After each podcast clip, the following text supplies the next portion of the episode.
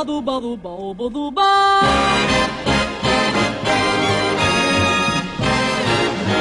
Oh, Istanbul was Constantinople, now it's Istanbul, not Constantinople, been a long time ago, no Constantinople till it's Turkish delight on a moonlit night. Every gal in Constantinople is in Istanbul, not Constantinople, so if you have a date in Constantinople, he'll be waiting in Istanbul. Even old New York was once New Amsterdam. Why they change it, I can't say. People just like it better that way. Take me back to Constantinople. No, you can't go back to Constantinople. Now it's Istanbul, not Constantinople. Why did Constantinople get the work? That's nobody's business but the Turks.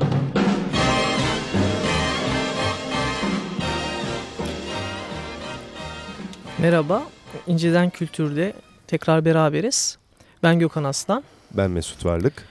Ee, burada tabii bu parçayla girmemizin sebebi e, bu programda e, şehir ve e, edebiyat çevresinde dolanacak e, muhabbetimiz. E, Katerina Valenti'nin versiyonu bu. Bir sürü versiyonunu biliyoruz tabii bu şarkının. E, bu hafta da e, bu konuda bir konuğumuz var. Bu konuyu konuşmak üzere çağırdığımız. E, Doğuş Üniversitesi'nden Esra Almaz. E, kendisi İnsan ve Toplum Bilimleri e, biriminde e, ve Amsterdam Kültür Analiz Okulu'ndan doktorasını aldı. E, edebiyat ve teori, daha doğrusu edebiyat teorisi daha, do daha doğru olmuş olur böyle söylesem. E, alanında dersler veriyor. E, tezini zaten burada konu edeceğiz. Hatta direkt ben e, kendisine biraz tezin başlığını sorayım. Başlığından bir e, konuya girmiş olalım. Tezin başlığı edebi kapital ya da edebi sermaye ya da edebi başkent. Belki de hepsi beraber. Ee, ve daha çok e, bu konuyu tabii aslında kent konuşacağız ama daha çok İstanbul konuşacağız. Çünkü ben bu başlıkları İstanbul ve e, İstanbul'un tescilli yazarı e, Orhan Pamuk ve Orhan Pamuk'un İstanbul betimlemeleri üzerinden çalışmıştım. Ee, benim bu konuyu yani daha doğrusu bu başlığı ilk duyduğumda e, ilk dikkatimi çeken tabii kelime e, kapital sermaye kelimesi oldu. Çünkü edebiyat ve sermaye. Nasıl oluyor? olumsuz e, bir şeyi var sermaye deyince çünkü sermayenin uşağı mı oldu falan edebiyatımız, diye. edebiyatımız diye. Evet, şimdi e, bence konuyu bununla açmak iyi olur. Yani sermaye kelimesini açmak. Sermaye mi kapital mi? Bunun bir farkı hani olabilir mi? Ya da çevirisi e, ne anlamda e, doğru burada? E, bence biraz bu bunu konuşsak evet. daha iyi olur ve burada tam e, edebi sermaye ne demek? Yani hem kavram olarak hı hı. Ayrıca ne demek hem de e, sizin tezdeki e, konumlanışı bu kavramın nasıl oldu? Tamam e, ama ben bundan önce e, ilk başta size ikinize birden Mesut ve Gökhan e, size teşekkür etmekle başlayacağım. o teşekkür bize ait. Evet. Katıldığınız için. E, ve benim de e, bu konuları aslında tez ve tez savunması dışında ve diğer arkadaş e, sohbetleri dışında böyle bir ortamda e, ilk konuşma deneyimim diyelim için bakalım e, evet Bu da kamusal nasıl savunma. olacak. Evet kamusal, kamusal savunma. olacak evet. Şimdi e, burada tabii birazcık e, durma nedenim e, şu e, tabii sermaye deyince evet sermaye deyince biraz ben de açıkçası duraksıyorum aynı şekilde ve ah ben bu, bu konu hakkında mı yazmıştım gibi sorular geçiyor. Halbuki e, bu tezi yazarken ve bu ilk e, e, tezin başlığını bulduğum zaman ki bu tabii çok çok son alır tezin son aşamalarında aşağı yukarı çok mutluydum. Ah ne kadar güzel diyerek çünkü tabii şey Türkçe sermaye deyince biraz kötü geliyor ama kapital deyince de galiba fakat işte kapital hem başkent hem sermaye sonra işte İstanbul kültürel başkent derken Ben de İstanbul bir edebi başkent. E bir de aynı zamanda sermaye. Ay, ay ne kadar güzel iki anlamlı bir kelime e, diyerek aslında bunu e, düşündüm, seçtim ve kurguladım. Tabii sermaye dediğimiz zaman evet biraz bize şey geliyor sermaye kar, e, işte işletim, e, kapitalizm tarzı kirli kelimeler aşağı yukarı. Ama bunun aynı zamanda tabii bir birikim olarak düşünürsek aynı zamanda ve edebiyatı e, bir e, sirküle eden bir şey okumak için e, bir üretim e, olarak görürsek aslında belki de o kadar e, kirli bir şey değil. Kültür endüstrilerini e, şehirlerin bir e, turizm e, aracı e, destinasyonu olduğunu düşünürsek belki de çok çok kötü değil diyelim ve ben soruyu biraz şöyle bir, bir turistik kültürel açıdan şeylerle e, düşüncelerle biraz e, uzaklaştırayım diyelim şimdilik e, direkt ekonomik bağlı şeyden bağlamdan. Diğer taraftan tabii e, ekonomik bağlamdan tabii ki biraz uzaklaştırıyorum ama e, tabii sermaye dediğimiz zaman ve likidite olarak baktığımız zaman evet hayır ama e, kültür de aslında bir sermaye. Birikim anlamında. Zaman, birikim anlamı hem birikim anlamında hem kullanılan, e, sirküle eden, satılan, metalaşan, metalaştırılan ve tüketilen zamanda bir parça e, bir şehrin kültüründen bahsediyorsak zamanda şehrinde e, bu sirkülasyona girmesi aslında çok da yabancı bir durum değil. Evet yani o, o açıdan ki. baktığımızda e, öyle ama hani daha önce de programdan önce de e, şey yaparken böyle bir kafa toparlama e, sohbetleri ederken bu e, şehrin İstanbul'un bir edebi sermaye anlamında kapital e, olarak e, işte sizin tezinizde İstanbul şey e, Orhan Pamuk e, özelinde İstanbul üzerinden gidiliyor.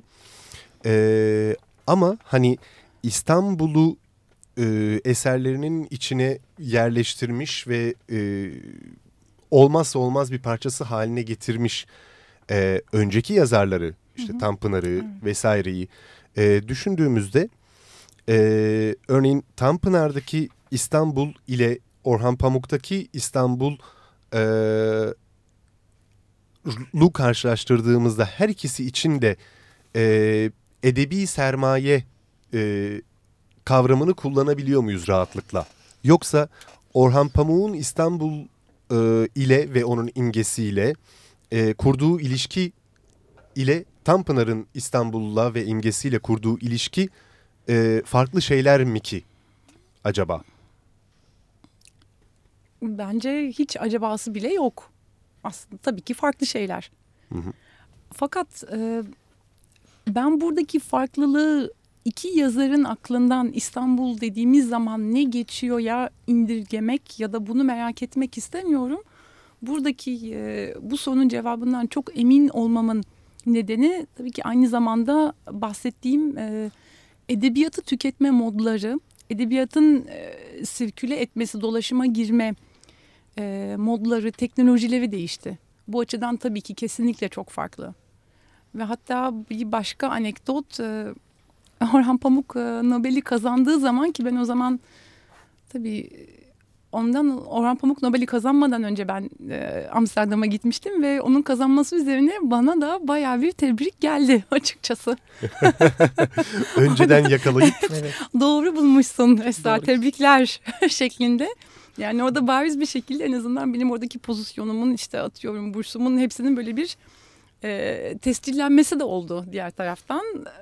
E, şeylerde de aynı şekilde e, diğer konuştuğum hocalar sadece arkadaşlar değil aynı zamanda hocalardan da aynı şey benzer tepkiler geldi. Yani bunun bir sermayesini aslında ben e, biraz e, daha sonrasında diyelim kullandım Kullandım. diyelim. Ekmeğini yedim demeyeyim ama evet ekmeğini aslında gerçekten yedim. Yani bol bol her sefer e, işte Nobel ödüllü yazarımız politik ya da işte kontroversiyel yazar yerine Nobel ödüllü Türk yazarı şeklinde bir şeye geldik. Ya tabii Tanpınar'ın e, ve tabii Orhan Pamuk'un bunun üzerine olan hatta aslında tabii bunun öncesinde olan e, devletle işte politikayla ilişkileri zaten hepimizin e, bildiği şeyler. E, Tanpınar'ın devlette olan ilişkileri malum. O açıdan pozisyon olarak zaten e, iki yazarı yani yazar hem kimlikleri hem objeleriyle e, ilişkisi açısından baktığımız zaman tabii ki iki yazar arasında çok büyük e, farklılıklar var zaten.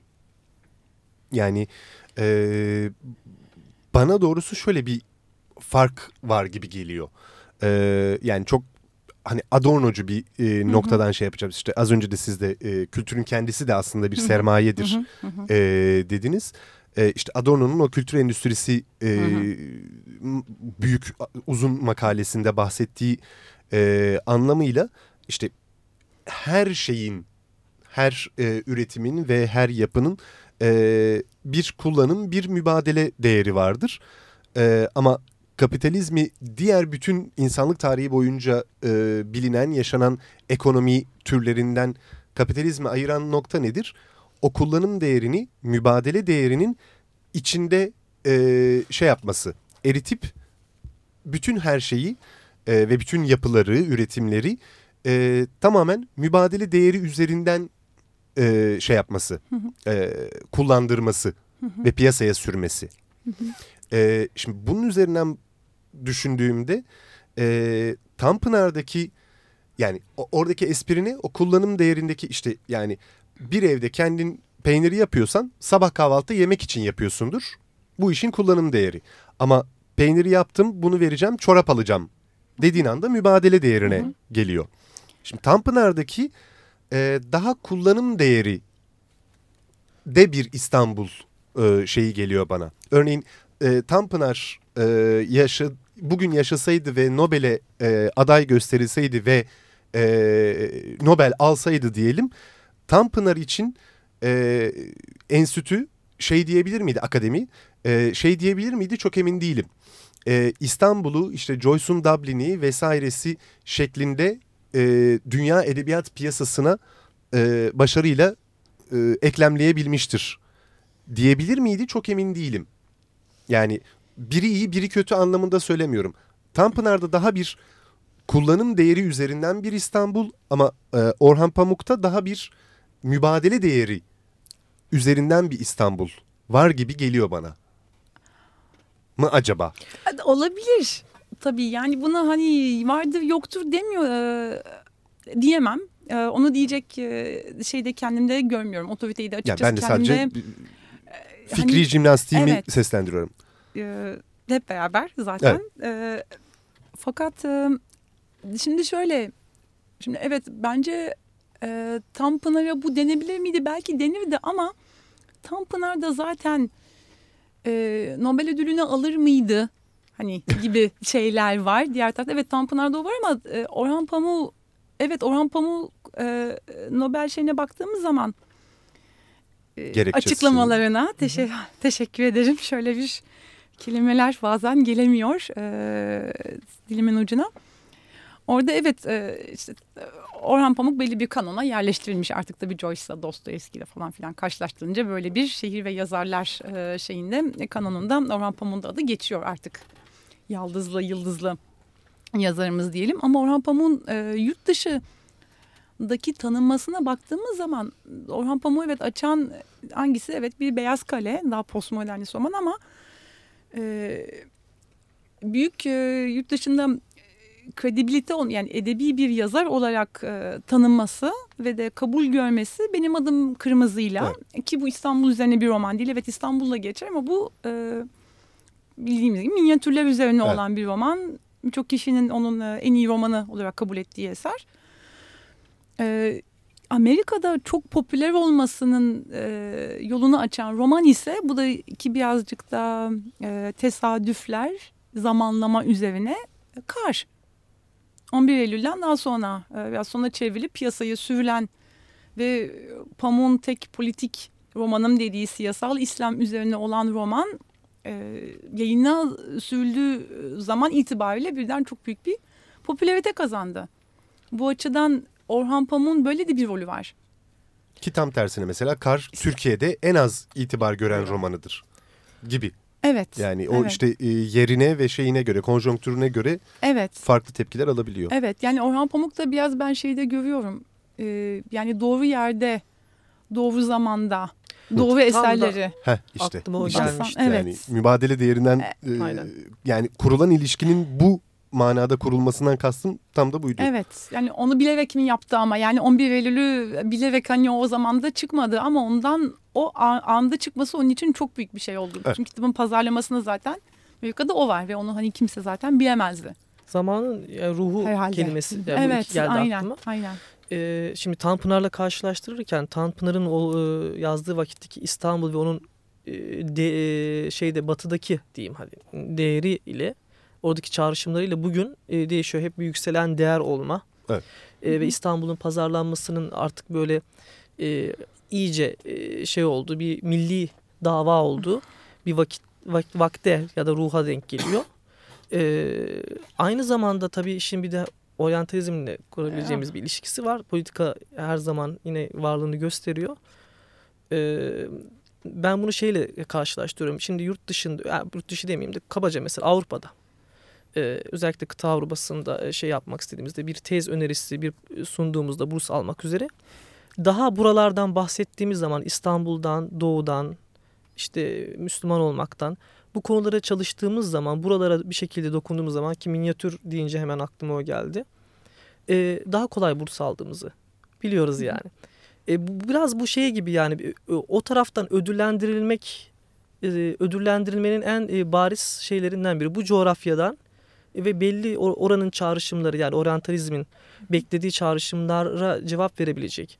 E, ama yine de sağlam metinler tabii sadece cevap vermesi gerekmiyor. gerekmiyor. Denk getirdiğiniz zaman bu bu güzel şeyi e, yemeği diyeyim hani kokusuyla her şeyle o zaman daha büyük bir e, karşılık buluyor. E, çünkü yani Yaşar Kemal'in Torosları herhalde edebiyat piyasasına girmedi herhalde o anlamda uluslararası piyasaya. Bu, bu, bu kadar girme, girmemiştir herhalde. İstanbul'la ikisi arasında ciddi bir e, e, kent pazarlaması farkı var çünkü. Ama Yani İstanbul pazar- kendi kendini de pazarlıyor Evet. zamanda. Hem Türkiye'de değil mi? Sonuçta onu biz kendi iç piyasamızda da zaten görüyoruz İstanbul'un bir Hı hı. meta olduğunu, metalaştığını. Ama Gökhan şey aslında günlerdir aslında günlerde değil yıllardır ama tekrar bu konuşmayı sermayeyi düşündükçe hep aklımdan geçen kelimeyi aslında tekrar söylemiş oldun. Oryantalizm. Tabii ki aslında benim için burada daha büyük bir kaygı. Dediğim gibi evet bir sermaye ve bir başkent ama burada bence daha şey e, belki de genel kaygı e, ya da tartışıp, tartışılacak kaygı benim ilgimi çeken kaygı diyelim oryantalizm. Ve bu oryant özellikle bu durumda e, oryantal oryantalizm diyelim ya da kişinin kendini oto oryantalizm biraz e, Osman Hamdi Hı. tadında belki de şey yaparak en meşhur e, o- oryantal oryantalistimiz olarak resimlerinden tabii Evet. orada bahsediyorum. Burada hemen şey yapayım diğer taraftan arkeolojik bazı kaygılarını da katmazsak diğer taraftan ve oryantal oryantalizmden bahsettiğimiz zaman evet sermaye ve kültürel sermaye tartışılan bir şey ve sanırım da bu İstanbul e, kültürel başkent tartışmaları esnasında bol bol tartışılmış bir konu bu. İstanbul'un kültürün sermayeleşmesi aslında zaten ve bir e, sosyolojik tadı da var. Diğer taraftan ve tabii ki hepimiz için bir şey de var aynı zamanda e, ilgisi de var. Oryantalizme baktığımız zaman ise bir açıdan e, fazlasıyla şey görüyoruz tabii e, yine güç dengeleri bu sefer merkez ve çeper e, ikilemi diğer taraftan var. Fakat buna da batı dışı edebiyatlara baktığımız zaman ki bu sadece edebiyat da değil aslında batı dışı sanat üretimine baktığımız zaman oryantalizm kaygılarının faz, e, birçok ulusal edebiyatı diyelim de ulusal sanatı aslında yine belirlediğini göreceğiz. Buna işte Hint edebiyatından Çin sinemasına kadar hatta diasporik e, sanata kadar tabii çok şey e, genel bir e, e, kullanımı açılımı olan bir durum. Şeyde de örneğin işte Hint edebiyatına baktığımız zaman evet işte Hint edebiyatından çağdaş Hint edebiyatından bildiğimiz tabii ki Salman Rushdie E, ve ama Salman Rushdie'nin Hint edebiyatından büyük bir isim olarak ortaya çıkartan e, Gece Yarısı Çocukları.